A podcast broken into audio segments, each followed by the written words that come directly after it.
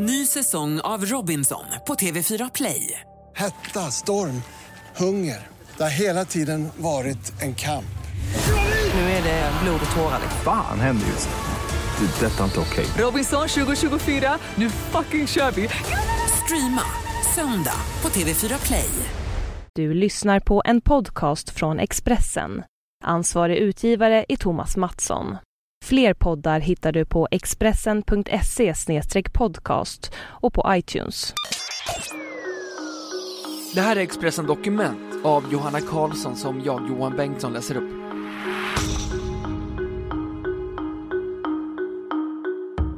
Expressens reportage Sanningen bakom lyxen i Qatar Airways har uppmärksammats stort, även internationellt. De inlåsta flygvärdinnorna i Doha vittnar om en bransch i förändring. Överlevarna i flygindustrins nya mix av lyxbolag och superbilliga lågprisjättar har bara en sak gemensamt. En problematisk personalpolitik.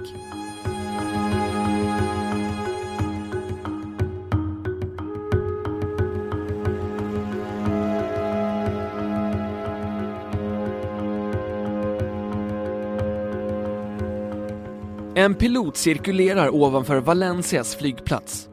Han känner sig frustrerad och samarbiten. Det är 2012 och inte första gången han fått meddelande från flygtornet om att han inte längre är nummer åtta att landa. Någon har trängt bort honom till plats nummer nio. Piloten vet allt för väl vad det betyder. Ett Ryanair-plan har varit framme igen. Så säger de alltid. De ber om en nödlandning för att de ska få gå före, säger han. Piloten menar att det ofta i arbetet händer honom att just Ryanair-plan går före till landningsbanan därför att de förklarat för flygtornet att bensinen snart är slut. En tänkbar anledning skulle vara att planen inte tankar mer bränsle än nödvändigt för att väga mindre och därmed spara pengar. I en känsla av maktlöshet valde den spanska piloten att börja bråka i luften. Spaniens pilotfack Sepla gick senare ut i medierna för att diskutera frågan om Ryanairs lätta tankningar. Bilden av ett flygbolag som hellre nödlandar än riskerar en extra krona i bensinpengar var satt. Men också bilden av ett Europa som hatar dem så mycket att de är beredda att slåss i luften. I boken Ryanair, How a small Irish airline conquered Europe tecknar journalisten Theo Bancreaton ett porträtt av strävsamma irländare som med snortajta kostnadskalkyler tar över Europas luftutrymmen Grundaren Tony Ryan har ett litet olönsamt flygbolag för korta sträckor när hans nytillträdde finansiella assistent, som egentligen helst vill skrota det hopplösa bolaget, utmanar honom. Han begär att få 10% av det förlusttyngda bolaget, förutsatt att han lyckas få det att göra en vinst på 2 miljoner pund. Tony Ryan ser målet så orimligt att han antar utmaningen. Assistenten heter Michael O'Leary ett år senare är han ny vice koncernchef för Ryanair. Det är under O'Learys första år som Ryanair blir det lågprisbolag vi känner det som idag. Precis som han som assistent klarade att stoppa en ond förlustcirkel klarar han att slakta varenda centimeter av ett flygplan som kan innebära en kostnad. Toalettutrymmen krymps så att en till passagerarstol får plats. Piloter får inte längre gratis kaffe på jobbet. Förvaringsytor för varm mat byggs bort. I Europa sveper Ryanair tillsammans med EasyJet fram som en lieman. Deras motsvarighet i Asien heter Southwest Airlines och i USA JetBlue. Samtidigt söker en överhettad övrig flygbransch efter allianser för att överleva den alltmer globaliserade marknaden. Star Alliance startar 1997 och tar stapplande steg mot att bli världens största flygbolagsallians. Kanske kan den övriga branschen skydda sig mot liemannen om de håller ihop.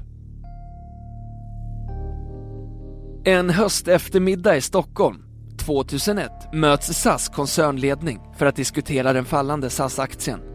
En anledning kan vara efterskalvet av att Europeiska kommissionen nyligen fällt SAS för att ha ingått ett hemligt avtal med danska rederiet Maersk som bryter mot EUs konkurrenslagar. En annan, en instabil världsekonomi.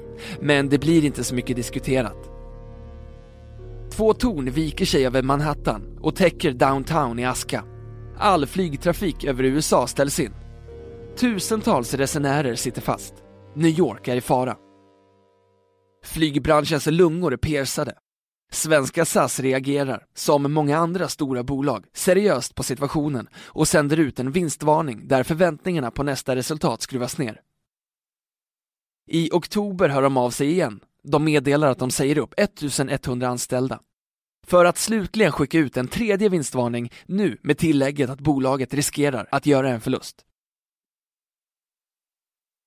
Vem reagerar annorlunda? Michael O'Leary. I slutet av september går han ut med att Ryanair kommer att få ett högre årsresultat än väntat, vilket också inträffar. Han lanserar aggressiva enkronorskampanjer med biljettpriser galna nog att få människor att våga flyga igen. Resten av flygbranschen förlorar biljoner medan O'Leary viftar med enkronorna. Och ingenstans fortsätter det nya flygindustridecenniet lika illa som i Europa. Medan 00-talet tickar på river och sliter ett 80-tal olika bolag i de europeiska kunderna samtidigt som bara de allra, allra billigaste går bra.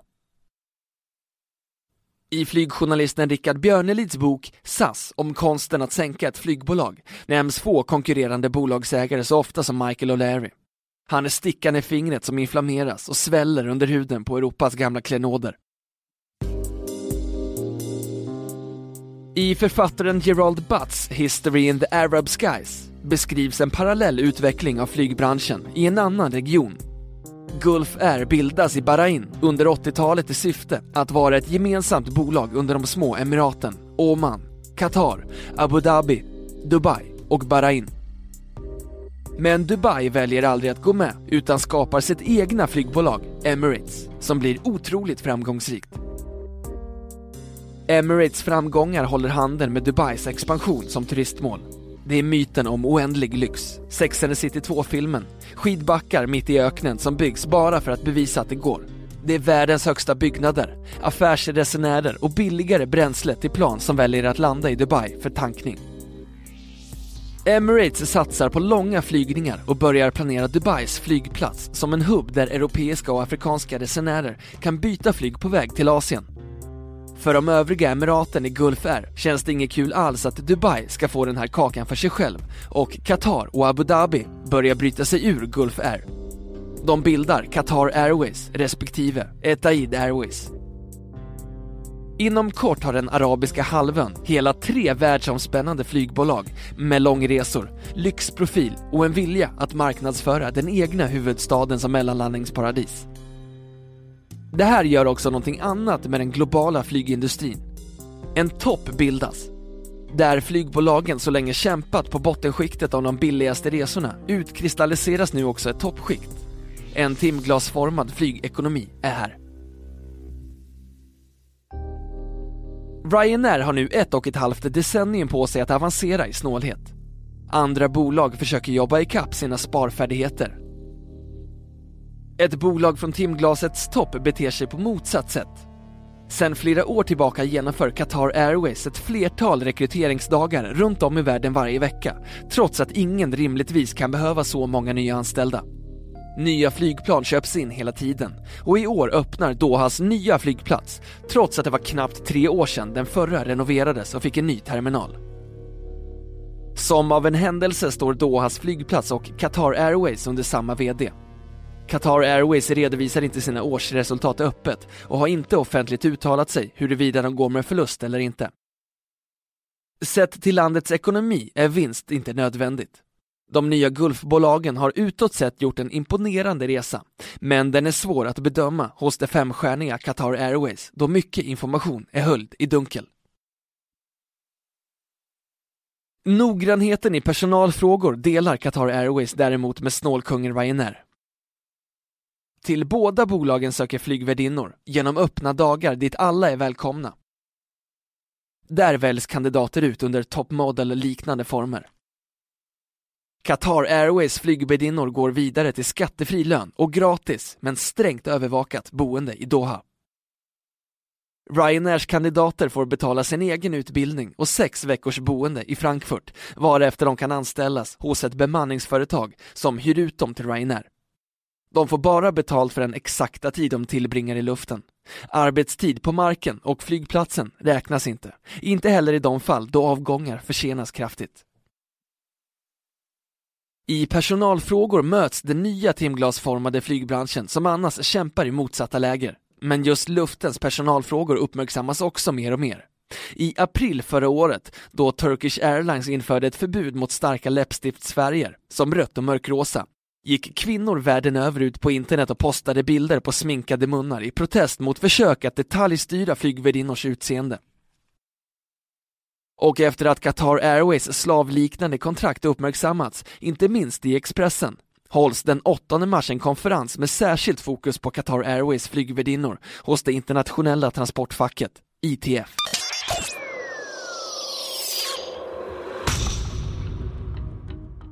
Du har lyssnat på en podcast från Expressen. Ansvarig utgivare är Thomas Mattsson. Fler poddar finns på Expressen.se och på iTunes.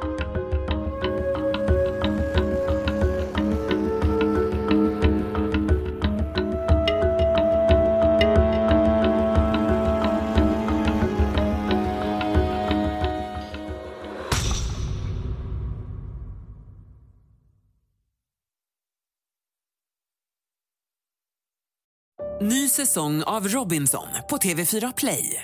Hetta, storm, hunger. Det har hela tiden varit en kamp.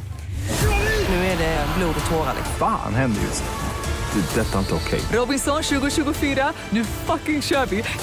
Streama söndag på TV4 Play.